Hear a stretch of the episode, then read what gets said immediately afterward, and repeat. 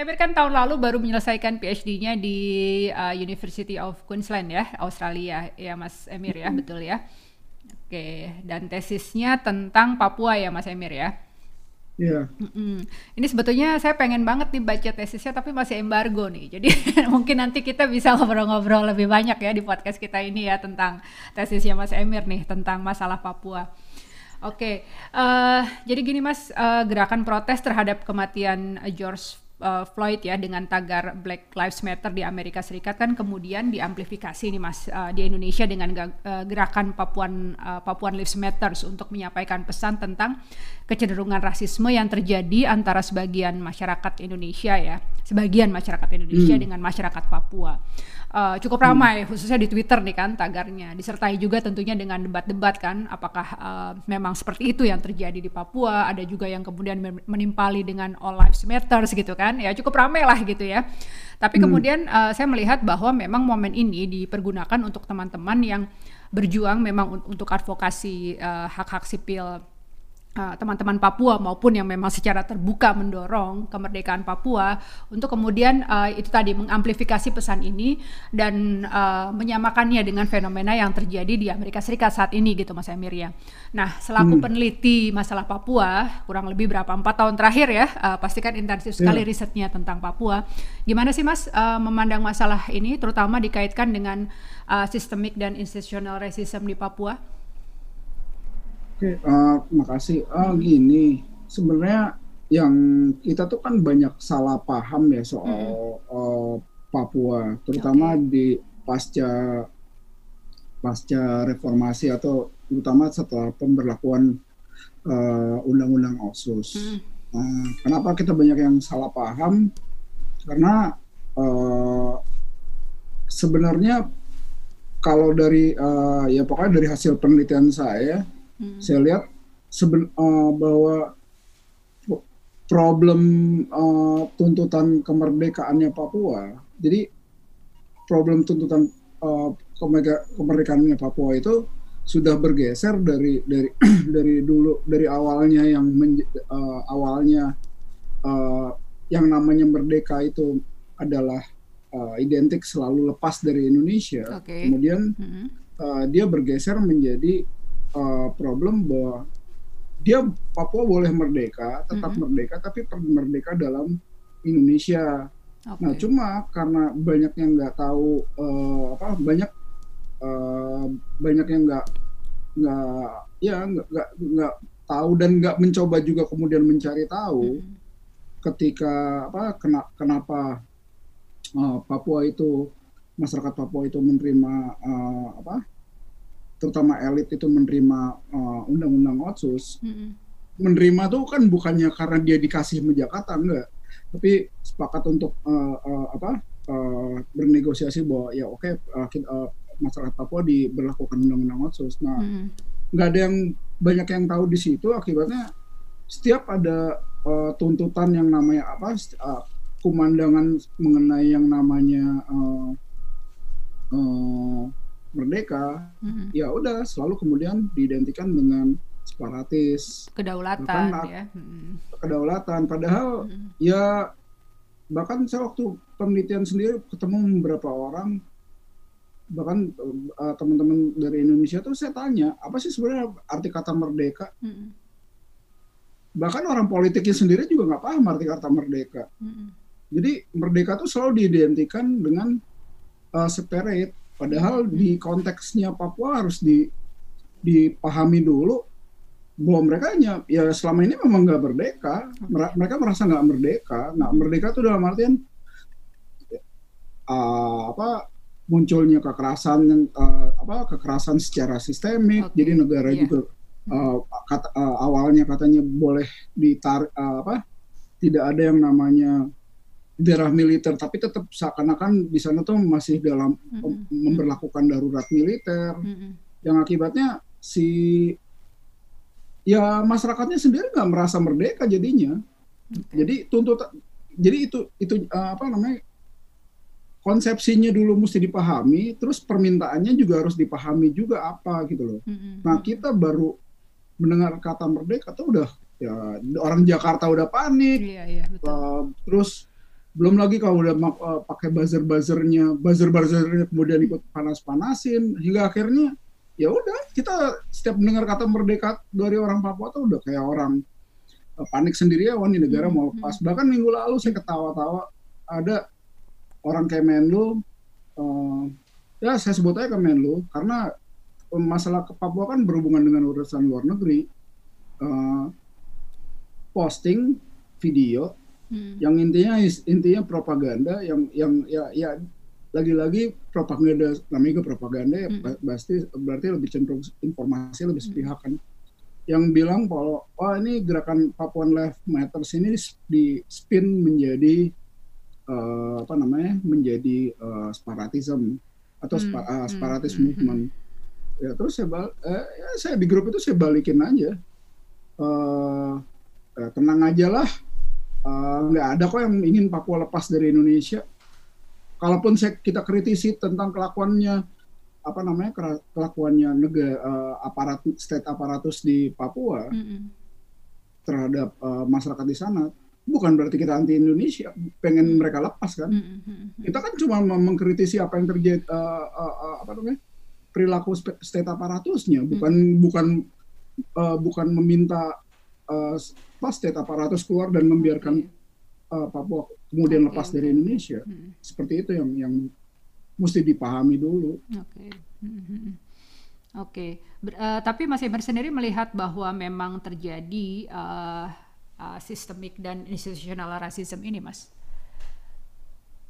Uh, pada akhirnya masih, karena uh, dominasi negara di sana, uh, artinya dominasi negara itu dominasi uh, state aparatus terutama mm -hmm. dalam konteks yang aparat keamanan itu sangat dominan sekali mm -hmm. uh, di di sana dan ya kalau dalam berbagai apa logikanya uh, apa uh, apa pola uh, pola gerakan gerakan-gerakan separatis di Indonesia termasuk kasusnya Aceh yang saya pelajari uh, kemarin uh, apa sempat saya pelajari juga yang Aceh ini. Mm -hmm sebenarnya separatisme apa munculnya awalnya dari gerakan mereka kan karena ketidakpuasan terhadap uh, apa perilakunya uh, pemerintah pusat. Mm-hmm. bukan buk nggak melulu nggak melulu kayak uh, ya identik uh, identitas tapi ke, uh, itu awalnya dari perilaku yang si uh, apa namanya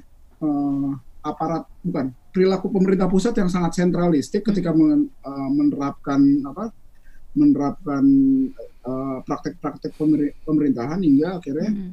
uh, pemerintah lokalnya atau masyarakat lokalnya mudah terprovokasi untuk ya udahlah kita bikin uh, uh, uh, apa namanya kita uh, apa kita lepas aja lah dari dari dari dari republik ini kita bisa co ambil contoh misalnya Aceh terus kita bisa contoh waktu kasusnya Jok even Jogja waktu kasusnya undang-undang Jogja mau diberlakukan hmm. kan bertarungnya adalah ya udahlah kalau kayak gitu ada sempat muncul isu dengan ya udahlah kalau kayak gitu kita lepas aja dari Indonesia hmm. itu kan hal yang biasa okay. cuman Papua ini unik karena hmm. apa sih yang ada di Papua ada emas hmm. ada minyak bumi uh, apa uh, gas yang emas ya kita udah tahu report ya apa di di di Glassberg uh, yang kemudian sekarang uh, yang sekarang dikelola Freeport dari tahun yeah. uh, 67 uh, di di apa di Bintuni ada uh, apa uh, gas alam yang dikelola oleh BP. BP. Hmm. Terus belum lagi yang lain. Terus dulu waktu zamannya Aceh ributnya awalnya kenapa? Kan gas juga. Hmm. Uh, hingga uh, Hasan Tironya dalam tanda kutip memutuskan untuk bikin gerakan uh, Aceh Merdeka kan karena tendernya uh, pipanisasi gas dari Arun kan. Arun, ya. Jadi hmm. ya problem apa dominasi pusat di daerah yang mereka akhirnya membuat mereka nggak puas dan sampai sekarang nggak nggak bukan nggak berusaha uh, pengen diselesaikan tapi caranya tetap sama pengen uh, apa pengen tetap pusat tuh kalau bisa dominasi di daerah sementara Papuanya sendiri atau mungkin di kasus Aceh tapi yang ini fokusnya di Papua Papuanya sendiri sudah punya namanya undang-undang otsus hmm, okay. jadi ya perilakunya itu yang belum di bukan ingin dominasinya uh, apa sifat dominasi dari pem, uh, aparat pemerintah pusatnya aja yang akhirnya ya orang di daerahnya juga marah. Oke. Okay. Oke, berarti uh, dengan kata lain faktor identitas ini sebetulnya hanya di permukaan, sedangkan faktor struktural yang lebih dominan di sini gitu ya Mas Emir ya, dihubungkan dengan sistematik uh, atau institutional racism ini gitu ya. Uh, sekarang gini, uh. yang paling mudah untuk uh, apa namanya untuk membuat konflik itu kan adalah ya bawa aja identitas. Hmm. Tapi kan problem utamanya tetap problem ekonomi politik, okay. bukan uh, akses to natural resource hmm. lah yang hmm. utamanya. Hmm. hmm bahwa dia membawa isu kemudian akhirnya ini pendatang dan dan okay. apa dan orang lokal hmm. itu juga terjadi kok nggak hanya kita hmm. bicara Papua ya hmm. tapi bicara keseluruhan Indonesia dengan ini ada pendatang nih uh, bahkan yang di di apa di, di di kawasan di Sumatera juga begitu di di, di hmm. Jawa juga begitu hmm. ada pendatang ya mereka akan dianggap sebagai ancaman nah okay. tinggal apakah masalah pendatang ini kemudian be, melakukan apa ya dominasi yang secara berlebihan atau enggak kalau hmm. dianggap dia bisa ber apa bernegosiasi dengan masyarakat lokal kayaknya enggak enggak enggak akan tuh dibawa. Secara secara masif yang namanya politik identitas. Oke, okay.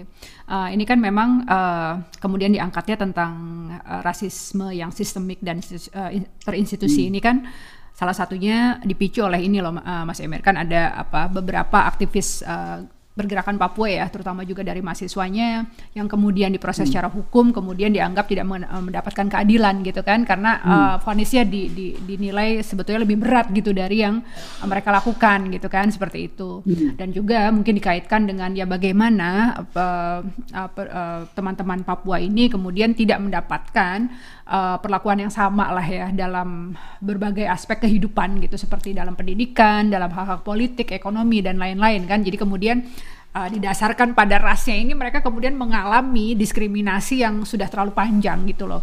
Jadi kalau menurut Mas hmm. Emir sendiri sebetulnya ya lagi-lagi underlying faktornya adalah uh, sos, uh, ekonomi politik ya, tapi kemudian dibalut dengan unsur identitas itu tadi ya Mas ya dengan kata lain bahwa sebetulnya ini pun terjadi di daerah-daerah lain di Indonesia gitu kan ya.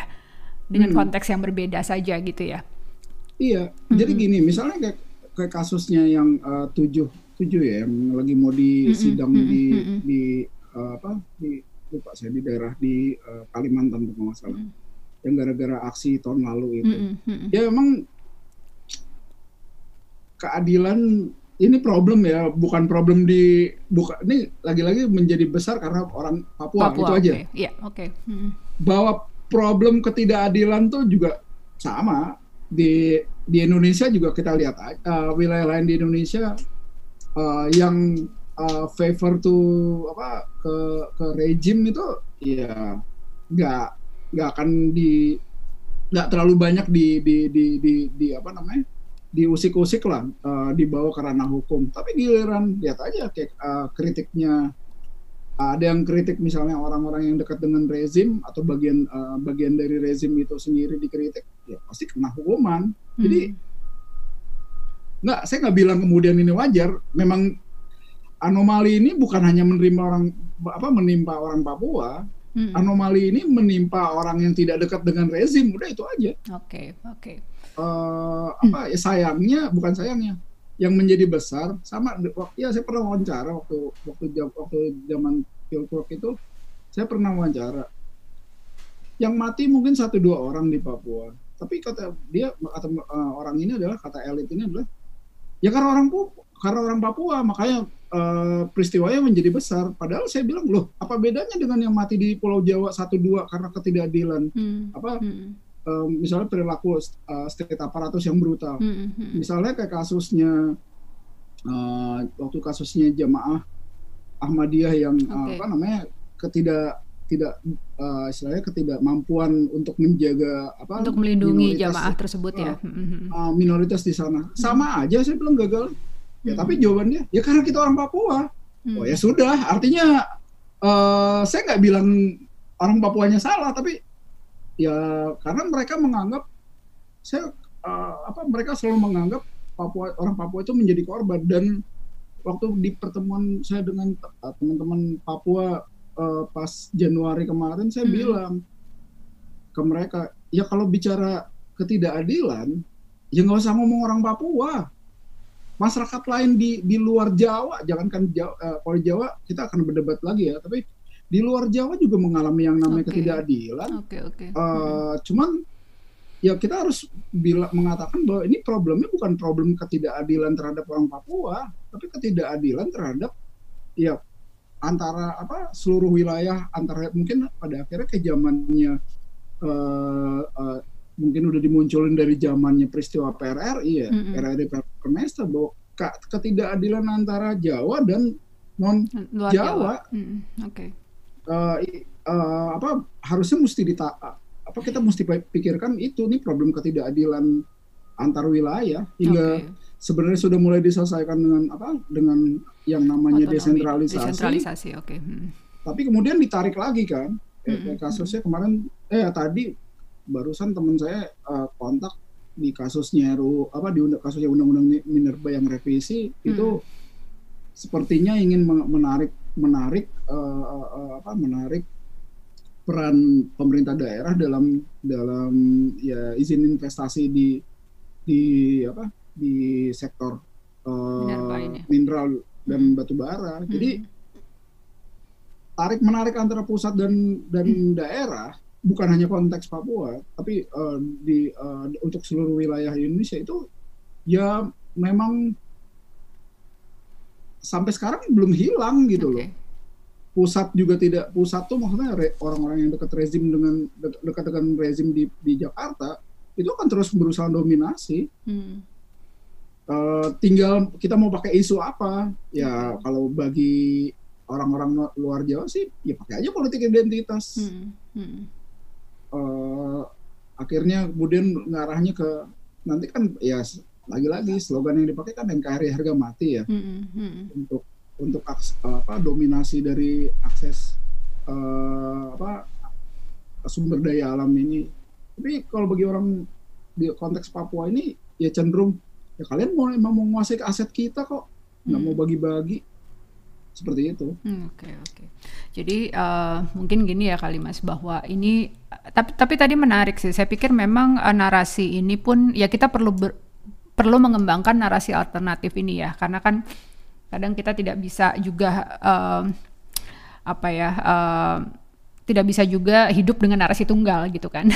ya narasi alternatif ini ya bahwa memang ketidakadilan ini dirasakan oleh semua gitu kan elemen masyarakat Hmm. Indonesia gitu kan. Dan yang kita hadapi adalah sebuah sistem gitu yang sudah Hmm. demikian berakar berpuluh-puluh tahun gitu.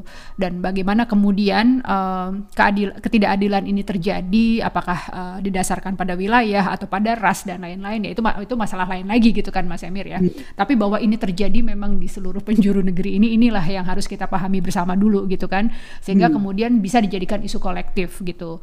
Walaupun tetap bahwa apa yang terjadi di Papua memang terjadi ketidakadilan atau ya banyak terjadi diskriminasi itu juga harus diakuin. Tapi bahwa ini pun harus harus kita lihatnya dalam perspektif yang makro bahwa ini adalah isu nasional gitu kali Mas Emir ya.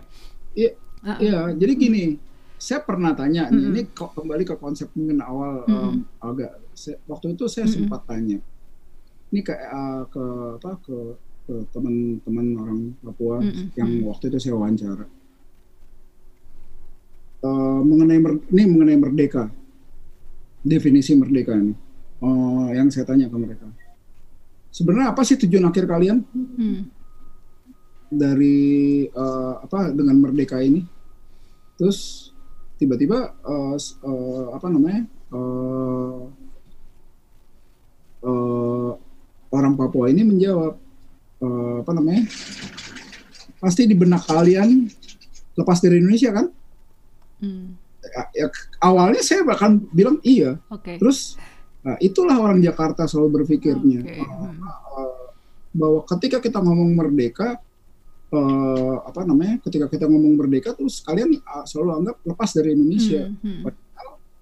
ya yang eh, orang ini bilang kawan ini bilang kalian pikir emang kita mau seperti kejadian kayak Papua Nugini Hmm. lepas dari Australia atau lepas mungkin dari uh, ya dulu jajahnya uh, Inggris, Inggris. kemudian jajahnya Australia emang kalian pikir kita mau pisah terus kita uh, apa pisah terus akhirnya mereka berkelahi sendiri di antara uh, uh, apa namanya warga uh, orang Mhm. Papua Nugini Hmm.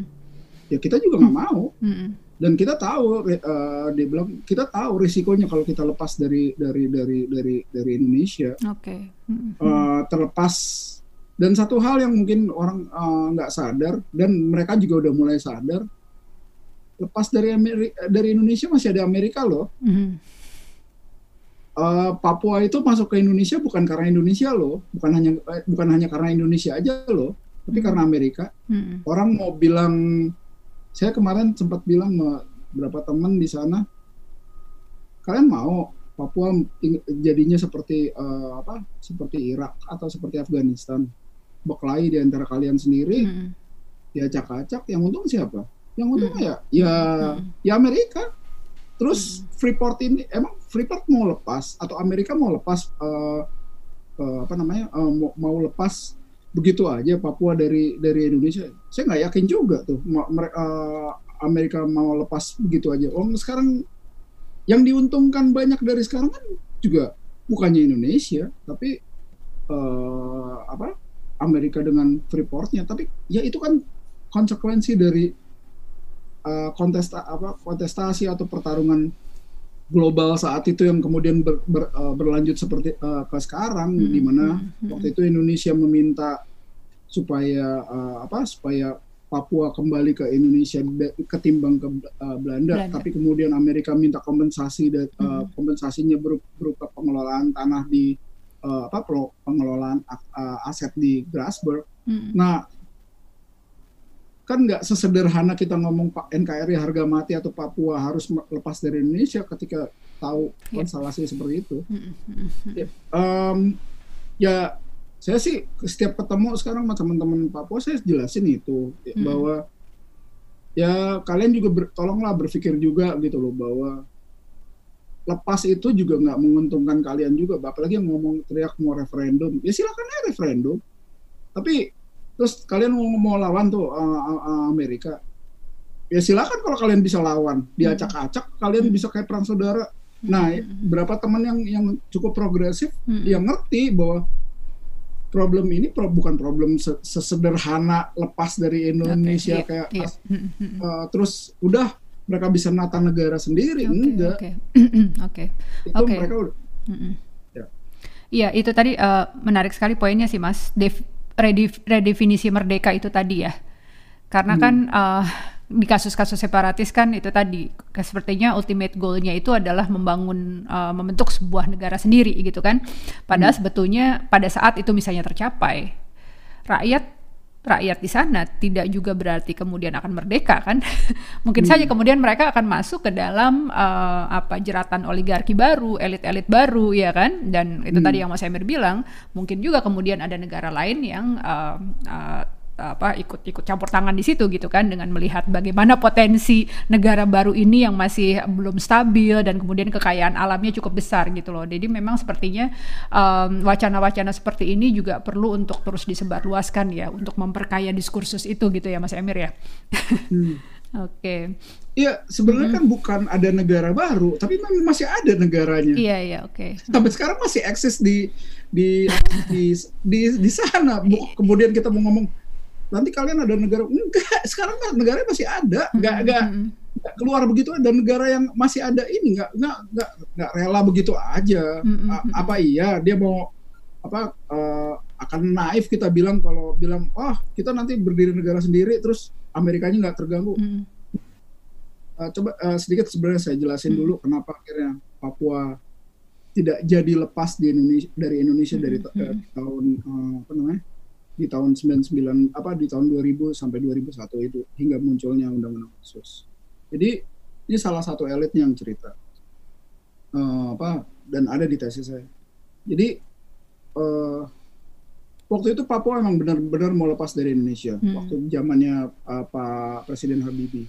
Memang benar mau lepas dari Indonesia dan dan waktu itu eh, sudah sedemikian kuatnya eh, apa narasi untuk untuk Oke. lepas harus lepas dari Indonesia. Hmm. Merdekanya tuh sama dengan lepas waktu Oke, okay, oke. Okay. Hingga muncullah kemudian uh, apa Habibie Presiden Habibie kemudian menawarkan otonomi daerah uh, otonomi hmm. khusus dan ditolak. Kemudian muncullah sosok uh, Presiden ya Abdurrahman Wahid hmm. waktu itu. Hmm. Terus kemudian uh, yang ya yang ini yang nggak nggak banyak di uh, uh, apa diketahui orang orang yaitu ketika kemudian di saat Presiden Ahmad apa Abdurrahman Wahid atau Gus Dur itu uh, memimpin, mm. dia melakukan berbagai negosiasi dan yeah. berbagai uh, apa memberikan berbagai konsesi kepada mm. uh, uh, uh, masyarakat Papua, elit Papua terutama dengan dengan salah satunya adalah mengganti Irian Jaya menjadi Papua. Papua. Papua. Dan ada satu hal waktu itu yang ditanya uh, waktu itu saya dapat uh, uh, apa uh, wawancaranya. Jadi salah satu elit ini diajak uh, apa uh, bukan bukan salah satu elit salah beberapa elitnya Papua waktu itu presidium Dewan Papua uh, diajak ketemu oleh uh, Presiden Gus Dur di istana.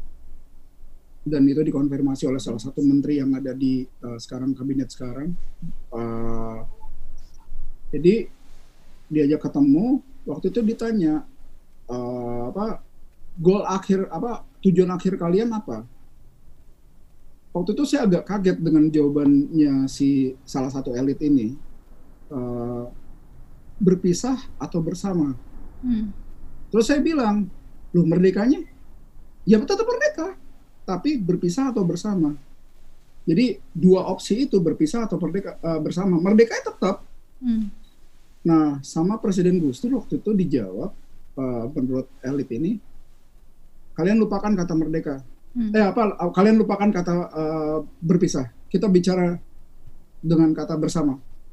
Makanya akhirnya uh, uh, akhirnya dia bilang uh, waktu itu uh, Presiden Gus Dur bilang silakan kalian merdeka, tapi tetap di negara ini. Hmm. Kalian okay. boleh menggunakan bintang uh, bendera kalian, see, kalian okay, boleh yeah. uh, nyanyi apa nyanyikan Hai Tanahku Papua. Hmm. Kalian boleh duduk lebih tinggi dari provinsi lain, hmm. termasuk Aceh juga boleh duduk uh, duduk uh, lebih tinggi dari uh, provinsi lain. Makanya muncullah undang-undang uh, uh, otsus. Hmm. Enggak, sebelum undang-undang PA kan oh, ada undang-undang okay. otsus Aceh kan. Hmm. Uh, apa di situlah muncul yang nama uh, kemudian ada satu faktor lagi waktu itu sempat ditanyakan adalah waktu itu Freeport kan mau direnegosiasi kan kontrak. Mm -hmm. Nah elit Papua ini kemudian ditanya oleh uh, Presiden Gus Dur waktu itu uh, apa namanya ini gimana dengan Freeport? Uh, terus elit Papua ini bilang ya akhirnya elit Papuanya sadar kalau Freeport lah yang membuat waktu itu Indonesia akhirnya ikut masuk di hmm. Papua hmm. Hmm. dan akhirnya ya elit-elit ini sadar bahwa ya nggak segampang itu lepas dari Indonesia masih ada satu faktor lagi yang hmm. ada di yang existing di sana hmm. Hmm. yaitu Freeport, Freeport. Okay. Uh, dan dan apa namanya dan faktor ini yang mungkin nggak nggak terpikirkan sama orang hingga akhirnya kita bicara mer, uh, apa mereka tuh hingga akhirnya mereka setuju bahwa ya udahlah kita merdeka di dalam Indonesia aja hmm. ketimbang akhirnya kita memutuskan merdeka sendiri tapi lepas dari Indonesia akhirnya kita di kemudian diacak-acak dia bilang waktu itu daripada akhirnya kita diacak-acak perang saudara yeah. dan hmm. akhirnya aset kita diambil juga kita nggak dapat apa-apa hmm. sama sekali dan lagi satu hal sesuatu bisa merdeka sebuah wilayah bisa merdeka kalau digerakkan oleh elit kalau nggak ada elit, saya nggak yakin tuh ada yang namanya kemerdekaan. Kita sebut bahkan sampai Indonesia pun merdeka karena elit kan. Hmm. Soekarno, Hatta, Tan Malaka atau Amir Sarifu, uh, Amir Sarifuddin atau siapa sebutin uh, Dok uh, Sahrir, Sultan Sahrir, uh, itu kan elit. Hmm. Waktu zaman Timur Timur elit juga yang yang yang yang yang bikin uh, Timur Timur itu jadi merdeka kan. Ada Sanana, Sanana. ada Ramos Horta, Aceh pun juga Ada. elit juga kan, Hasan Tiro. Uh, apa Hasan Tiro. Dan Pak Semer tidak melihat keberadaan elit ini kuat di Papua ya? Saat ini enggak. Mm -hmm. Okay. Makanya uh, berapa kali saya ditanya, ini sekarang gerakan orang pengen merdeka gimana? Ya, ya biasa aja. Semua orang boleh berteriak kok. Mm -hmm. uh, punya kebebasan. Okay. Tapi selama nggak dikoordinasikan yeah. oleh elit, ya nggak akan terjadi apa-apa juga. Oke, okay. oke. Okay. Oke, okay, thank you Mas. Nah, ini uh, sehubungan dengan tesis Mas Emir nih kan mengangkat tentang otsus ya Mas ya. Kan Papua telah hmm. menerima dana otsus sejak tahun 2002 ya berdasarkan Undang-Undang Nomor 2001 ya tahun uh, Undang-Undang Nomor hmm. 21 tahun 2001 kan tentang otonomi khusus bagi provinsi Papua. Namun kan banyak pihak memandang bahwa dana otsus ini belum mensejahterakan ya mayoritas rakyat Papua. Ini kan persoalan yang hampir sama dengan yang terjadi di daerah eks separatis seperti Aceh kan. Aceh juga hmm. uh, sudah mau habis gitu dana otsusnya sementara banyak sekali kritik yang di uh, apa dialamatkan kepada para elit gitu bahwa dana apa dana otsus yang sangat besar besar ini juga tidak mampu mensejahterakan gitu rakyat Aceh. Nah, kalau menurut Mas Emil sendiri apa sih sebetulnya masalah dasar dari dana otsus ini, Mas? Kegagalan apa sih masalah dasar dari kegagalan dana otsus ini untuk mensejahterakan rakyat di daerah konflik? Uh, ini ada dua uh, dua mm -hmm. setidaknya dua kalau uh, pertama mm -hmm. dana otsus uh, besaran dana otsusnya sendiri bagi saya juga nggak besar. Oke. Okay. Uh, apa saya dengar sendiri dari uh, elit-elit di sana, mm-hmm. iya pemerintah tuh pemerintah pusat tuh meng- menganggap kita, mereka tuh udah udah ngucurin okay. dana besar dengan okay. memberikan dana otsus sekian istilahnya uh, sekian triliun, lupa gitu bahwa untuk bangun infrastruktur di Papua itu kan mahalnya sedih gila-gilaan gitu loh. Hmm. Satu sak semen itu di sana bisa 2 juta. Okay, okay. Di, di Pulau Jawa cuma 100 ribu, terus di di apa di Papua tuh bisa satu sak bisa dua juta mm-hmm. terus kita kemudian menyamakan mm-hmm. apa, apa begitu saya ya sebenarnya uh, sama juga dengan um, Mbak Lia ini uh, ngasih bilang katanya ya kita kan udah ngasih duit banyak iya mm-hmm. banyak tuh menurut siapa okay. yeah, menurut yeah. kita kan mm-hmm. yang hidup di Pulau Jawa okay, okay. Mm-hmm. terus uh, uh, uh, terus dibilang kok nggak sejahtera nggak problem korup ada uh, ada ya pasti ada tapi korup kan juga di mana-mana hmm. sama aja. Hmm. Tapi apakah besaran yang disebut besar itu udah sama dengan uh, besaran di Papua sama sama dengan besaran di Jawa? Hmm. Hmm. Itu kita harus uh, apa redefinisi ulang juga yeah, kata okay. oh kita udah bocorin dana besar. Nah, itu yang mereka, uh, mereka keluhkan. Terus hmm. uh, satu lagi problemnya ya banyak memang yang bilang bahwa uh, dana otsus itu kayak eh, kayak disebut jadi uang darah gitu loh. Jadi hmm. sebagai konsekuensi mereka nggak lepas dari Indonesia uh, waktu itu maka dikasihlah sejumlah dana segelontor uh, digelontorkan dana tanpa kemudian ada uh, uh, uh, apa namanya pertanggungjawabannya hmm. yang hmm. yang di sini kemudian harusnya kita mulai berpikir sebenarnya bagaimana sih mengefektifkan uh, dana outsourcing ini jadi juga sebenarnya tanggung jawab pemerintah pusat juga nah, untuk iya, ngawasin iya, iya. Hmm. bukan dibiarin hmm, hmm. dikasih uang kemudian dilepas begitu aja tanpa hmm. ada pengawasan hmm. dan kemudian kita bikin jargon apa bikin pro, uh, istilah propaganda atau kampanye seakan-akan pemerintah Papua tuh uh, nggak uh, beres, iya. dikasih uang tidak banyak, capable untuk mengelola dana tersebut hmm. gitu ya. Uh, padahal nggak dikasih arahan untuk okay. bagaimana sih ngelolanya seperti itu. Mm-hmm. Oke, jadi dua hal ya Mas uh, bahwa apa dari dari segi kuantitas sendiri sebetulnya tidak bisa dianggap cukup besar gitu ya untuk bisa mm. apa melakukan pembangunan yang uh, komprehensif di sana Dis, uh, karena itu tadi kan perbedaan harga dan lain-lain gitu yang berbeda dengan di Jawa. Uh, dan satu lagi adalah uh, sebetulnya dibutuhkan pengawasan yang terus menerus ya dari pusat ya. Iya hmm. dan emang sih mas menarik ini juga terjadi di kasus Aceh kan. Uh, apa ya kita tahu kan apa mantan gubernurnya uh, gubernurnya ya gubernur Irwandi hmm. waktu itu kan uh, akhirnya tertangkap oleh KPK karena uh, diduga melakukan uh, penggelapan dari dana otsus bagian dana otsus itu gitu loh.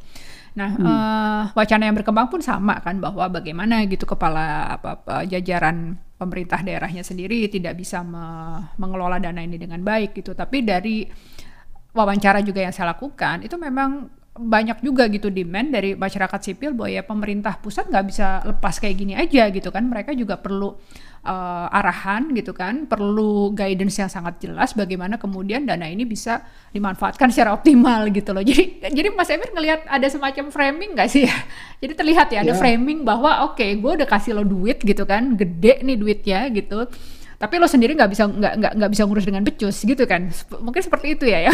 Mas Emir Ya, lihat. jadi apalagi ujung-ujungnya sentralisasi lagi kan Oke, iya. Mm, mm, mm. Eh, dan satu hal ah, satu hal lagi ini mengenai dana outsource Eh, mungkin di di Aceh saya eh, nggak tahu cara ininya tapi ini yang di kasus yang Papua Mm, mm. Eh, memang dalam dalam prakteknya itu eh, yang eh, apa nih menurut berdasarkan beberapa cerita dari beberapa orang bukan Mhm, hanya dari satu orang tapi dari beberapa orang bagaimana mereka menggunakan dana outsource. Mhm. Iya, memang memang be- mereka akui itu nggak nggak nggak nggak istilahnya dalam dalam konteks ak- akuntansi atau Mhm. keuangan eh, modern, Mm, sistem keuangan modern itu nggak benar. mm, Jadi gini ada problem. Saya dengar sendiri Mhm. beberapa kali eh, cerita dari orang yang berbeda tapi mm. eh, polanya sama. Oke. Jadi mereka dapat dana outsource, Mm, entah itu bupati, entah itu gubernur, mm, Ma- eh, dapat dana outsource.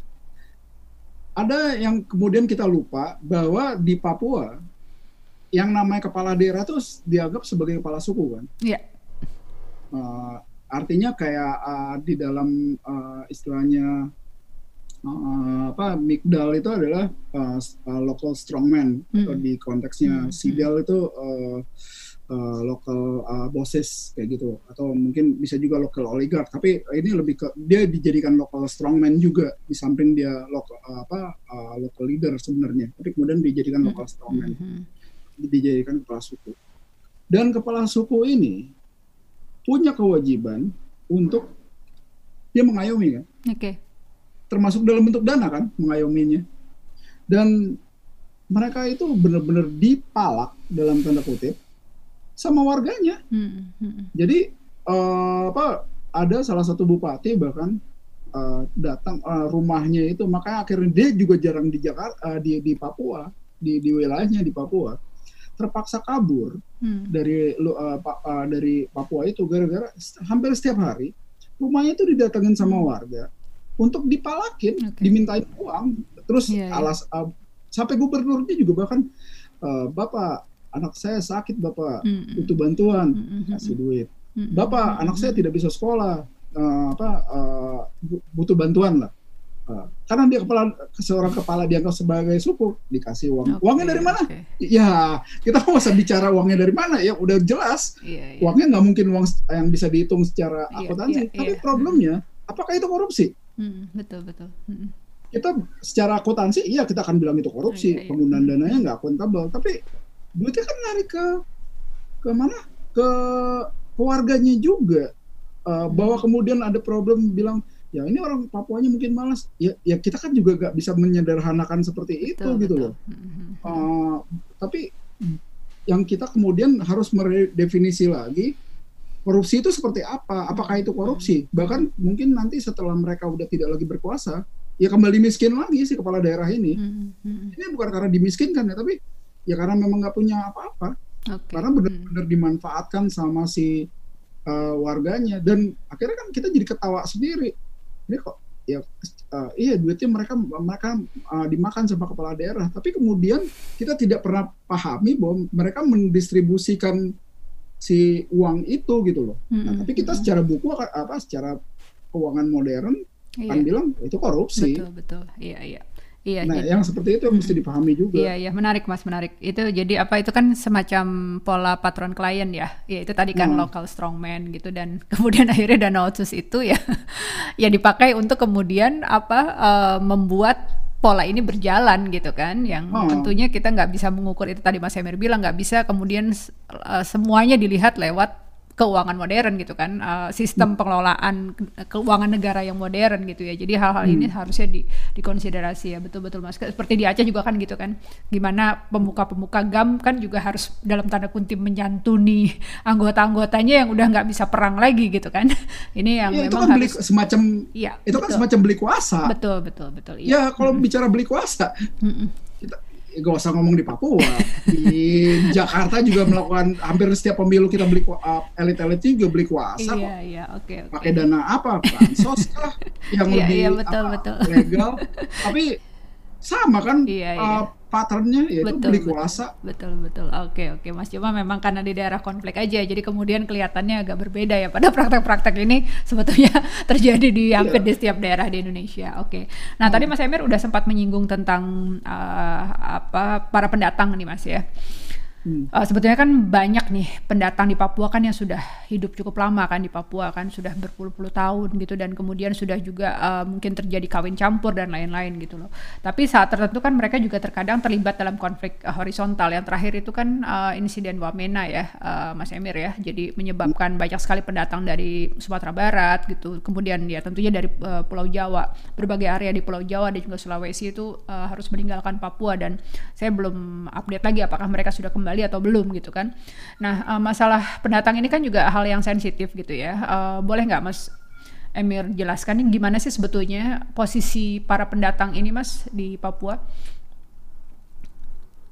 Sebenarnya mereka tuh nggak uh, ada dua hal. Mm-mm. Kalau yang uh, bagi orang Papua Hmm. yang skillful itu itu tidak bagi mereka tidak masalah. Oke. Skillful ya. Mm-mm. Uh, jadi uh, artinya mereka juga butuh yang namanya pembangunan, Mm-mm. mereka butuh yang namanya apa peningkatan uh, apa uh, building capacity mereka juga uh, perlu mereka sadar kalau human development indexnya itu juga nggak nggak apa salah satu yang terendah di Iya. di, di, di Indonesia Mhm.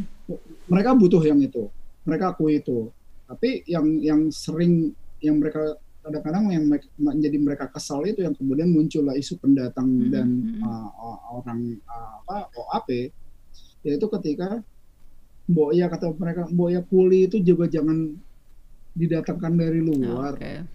masa sampai urusan yang uh, apa urusan iya urusan ngangkat batu aja masih orang luar juga yang Hmm. ngambil gitu loh Hmm, terus hmm, hmm. itunya uh, itu juga mungkin kan sama dengan kasusnya TKA TKA Iya yang betul. diributin, Ha, ha, ha. uh, di, di wilayah lain kan sebenarnya Hmm, hmm. sama aja polanya nah itu yang mereka ya nggak apa mereka tuh khawatirnya ya kalau kayak gini ceritanya terus kita cuma nonton jadi penonton aja di di di di, di antara eh, apa namanya di antara para eh, istilahnya akti, di, di antara aktivitas-aktivitas ini kita cuma jadi penonton Nonton aja. bukan lagi Mhm. bukan pelaku aktif gitu loh. Oke. Nah, Mhm. Eh, kalau di, di- orang menganggap eh, eh, apa namanya orang Papua malas atau atau mungkin dianggap bodoh.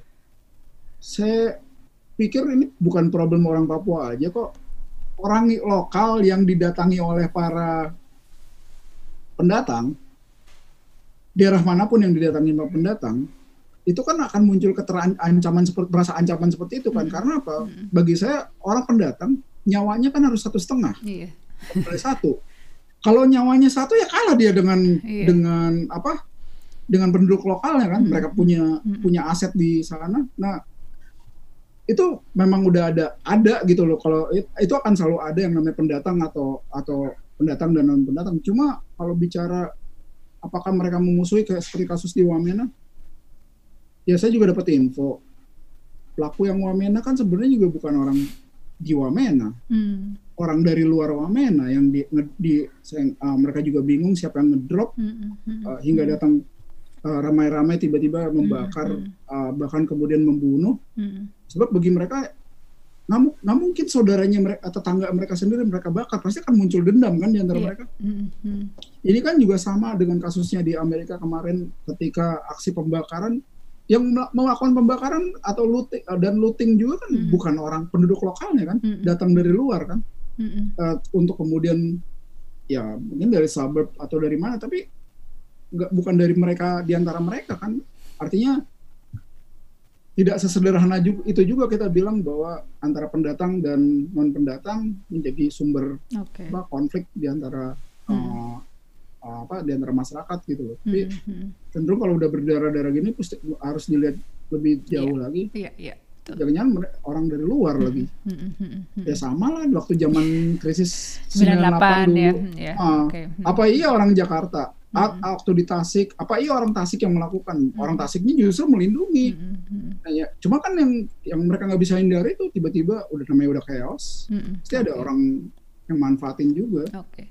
Jadi eh, di luar konflik-konflik yang eh, dengan kekerasan dan berdarah-darah seperti itu, menurut Pak Samuel sebetulnya ya hubungan antara orang asli Papua dengan pendatang cukup baik ya. Ya eh, kalau untuk ya itu tadi eh, mereka sebetulnya tidak keberatan apabila para pendatang itu memang mengisi pos-pos yang membutuhkan uh, skill yang skill yang tinggi gitu kan ya. Karena mereka pun bisa belajar gitu kan sama-sama belajar di situ. Tapi kemudian mereka berkeberatan apabila semua pekerjaan itu diambil gitulah ya oleh pendatang-pendatang ini gitu kan. Dan komunikasinya sebetulnya sudah berjalan dengan cukup baik kali mas ya antara penduduk lokal itu dengan orang asli Papua sendiri ya ya, mereka juga tahu kok yang memajukan itu adalah orang-orang uh, Bugis apa Uh-uh. yang memajukan kawasan-kawasan Iya, pantainya iya, ya orang-orang uh, apa Bugis kan kebanyakan Mm-mm, uh, mm-mm. dari dari apa dari et- etnisnya Bugis yang Mm-mm, mm-mm. uh, udah lama ada di sana dan mereka ya kalaupun dibilang mereka apa merebut dari dulu juga mereka udah ada di situ Mm-mm, mm-mm. Uh, dan apa ya kalau bicara apa ya bicara iri apa bicara kemudian ada ke ketidaksenangan ya pasti ada lah nggak mungkin enggak mm-mm. sama aja dengan orang eh, Cina di Australia tetap Mm-mm. aja yang yang kaya bakal akan di yang lebih daripada orang daripada orang eh, apa bulenya akan di apa eh, yang kaukasiannya pasti akan di Oke, iya. dengan isu wah ini uh, kuning mel- melakukan invasi Iya, sama aja iya. seperti itu gitu. Oke, oke. Oke, eh, nah ini pertanyaan terakhir nih Mas, eh, dikaitkan dengan profesi Mas Emir sebagai jurnalis nih. Nah, salah satu kritik utama terhadap permasalahan Papua kan katanya terbatasnya akses bagi jurnalis ya, khususnya jurnalis asing nih. Nah, sebagai jurnalis sendiri gimana sih Mas Emir memandang hal ini Mas tentang akses bagi jurnalis ini dan bagaimana sih sebenarnya peran jurnalis dalam memberitakan memberikan pemberitaan yang seimbang nih tentang Papua? Eh, ini agak dilematis juga ya. Heeh. Kita juga yang di Jakarta juga wartawan juga kebiasa untuk untuk menerima apa satu info apa info yang tunggal narasi. Hmm, kan juga senang juga akhirnya kayak senang sekali menerima narasi tunggal. Jadi Mm, man- hanya mengandalkan press release. Oke. Jadi eh, tanpa dicek langsung nggak dari nggak nggak tanpa riset lanjutan gitu ya Ah, Mm-mm. nggak di cross check ke orang Mm-mm. Papuanya. Jadi kalau kalau di konteks Papua ya, mungkin sama juga waktu kasusnya Aceh. Mm-mm. Jadi semua hanya narasi datang dari uh, kalau di konteksnya Papua datang dari Kodam, dari Mm-mm. polisi. Mm-mm. Nggak pernah ditanya uh, bener nggak sih dari warga setempat uh, bahwa uh, bahwa konflik itu yang misalnya dalam kasus OPM gitu loh. Uh, bener nggak sih emang eh sekarang jadi KKB kan bukan OPM lagi jadi. KKB.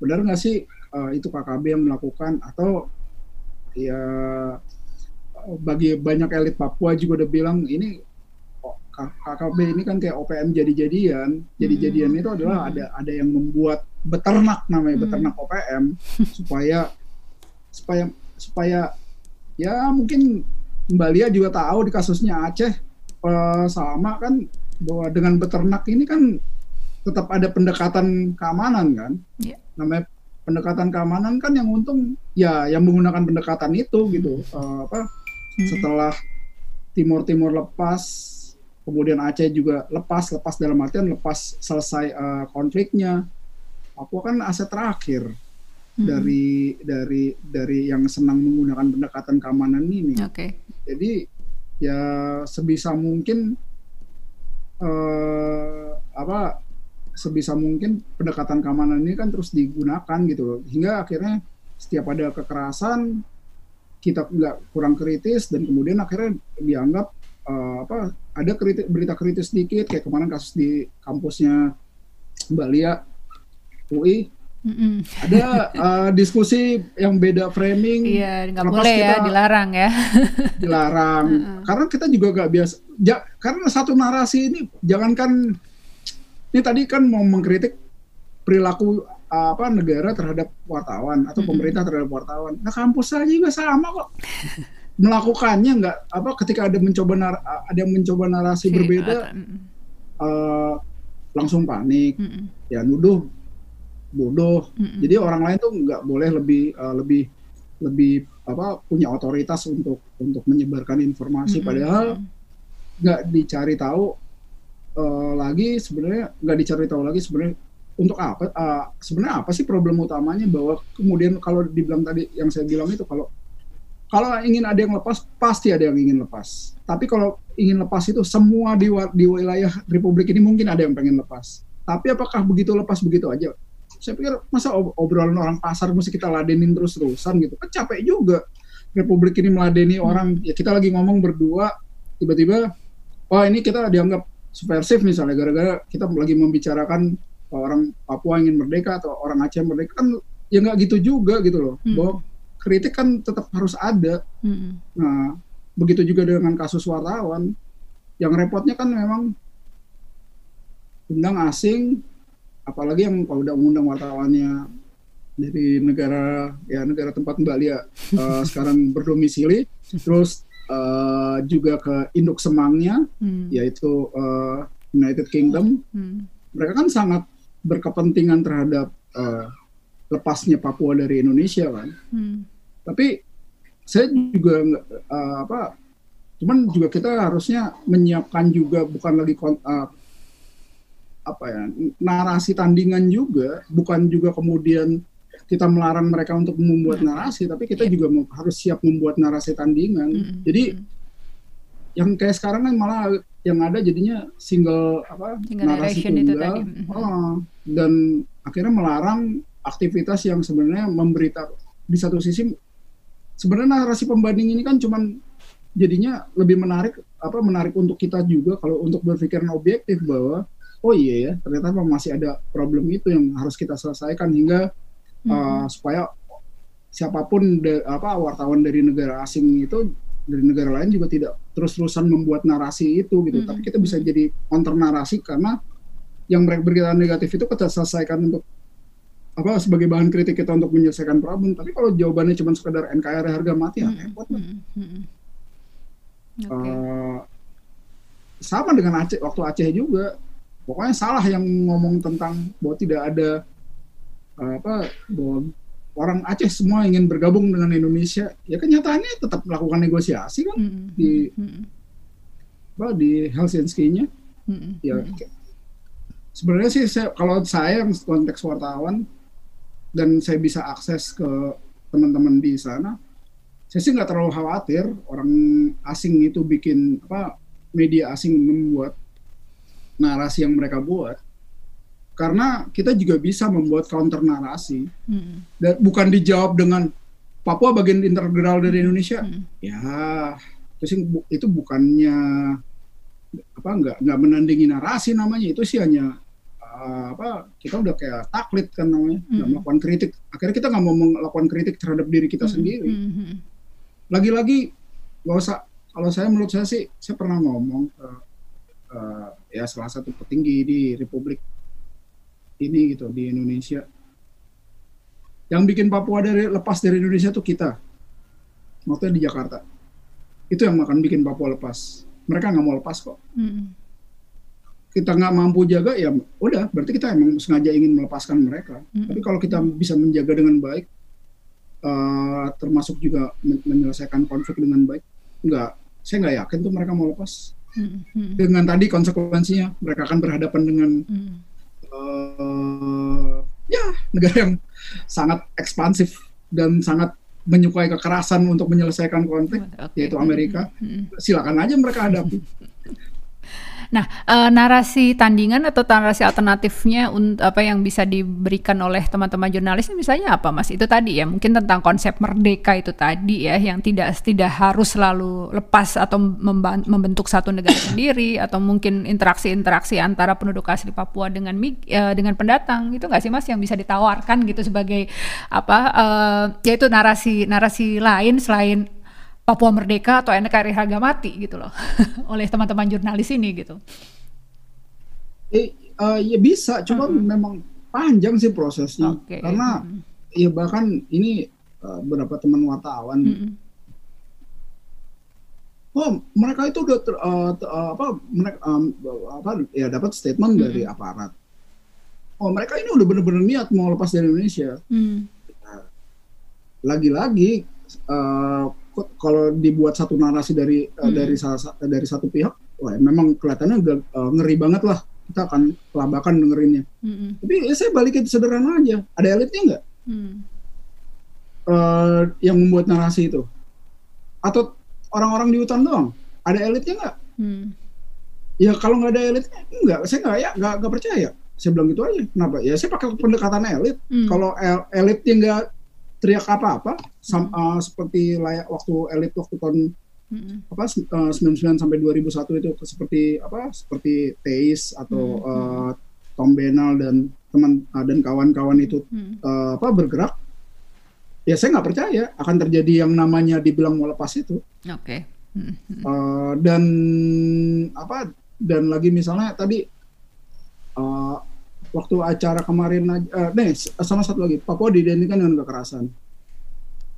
Di pertemuan sekitar uh, bulan Januari kemarin saya ketemu wah mereka uh, saya udah dikasih tahu sama teman-teman uh, Papua ini oh nanti nih uh, saya suruh moderator acara kan. Dia bilang ini acara bakal gosong nih. Hmm. uh, apa karena oh, elit-elit ini udah datang untuk berdi apa uh, debat mereka akan uh, ribut. Tapi kemudian pas di acara itu saya bilang sama mereka nada mereka tinggi tapi saya balik uh, saya ngomong ke mereka dan akhirnya saya bilang gini kalau kita ingin menyelesaikan Papua mulai sekarang kita gunakan cara yang intelek.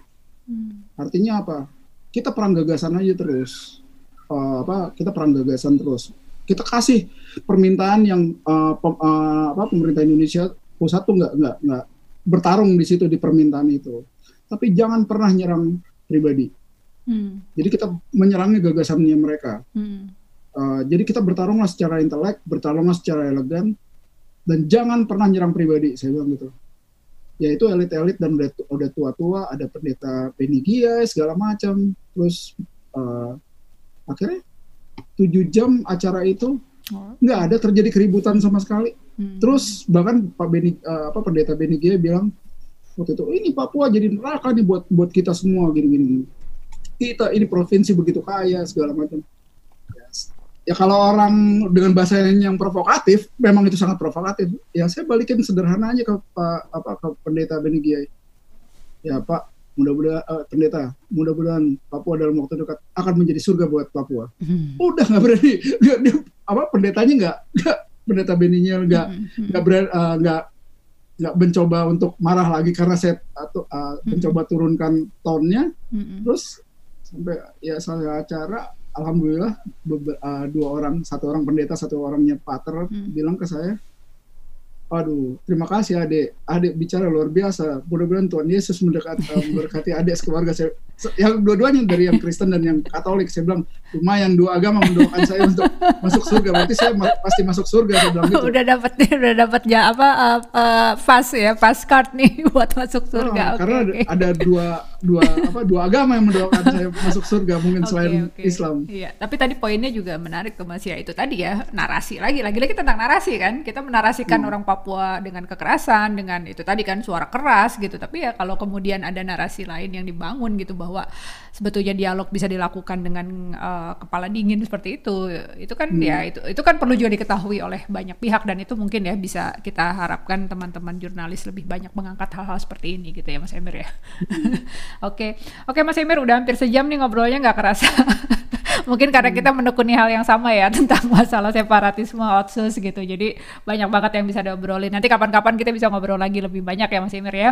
Tapi okay. untuk kesempatan ini thank you banget sudah ada beberapa banyak sekali poin menarik yang uh, pasti bisa uh, bermanfaat buat mendengar podcast saya ini. Uh, salam buat keluarga Mas Emir, tetap yeah. semangat menjalankan tugas nih sebagai wartawan maupun sebagai pengajar. Salam untuk keluarga di Jakarta dan uh, sehat-sehat okay. selalu. Uh, uh. Thank you Mas. Terima Assalamualaikum. Yo, waalaikumsalam.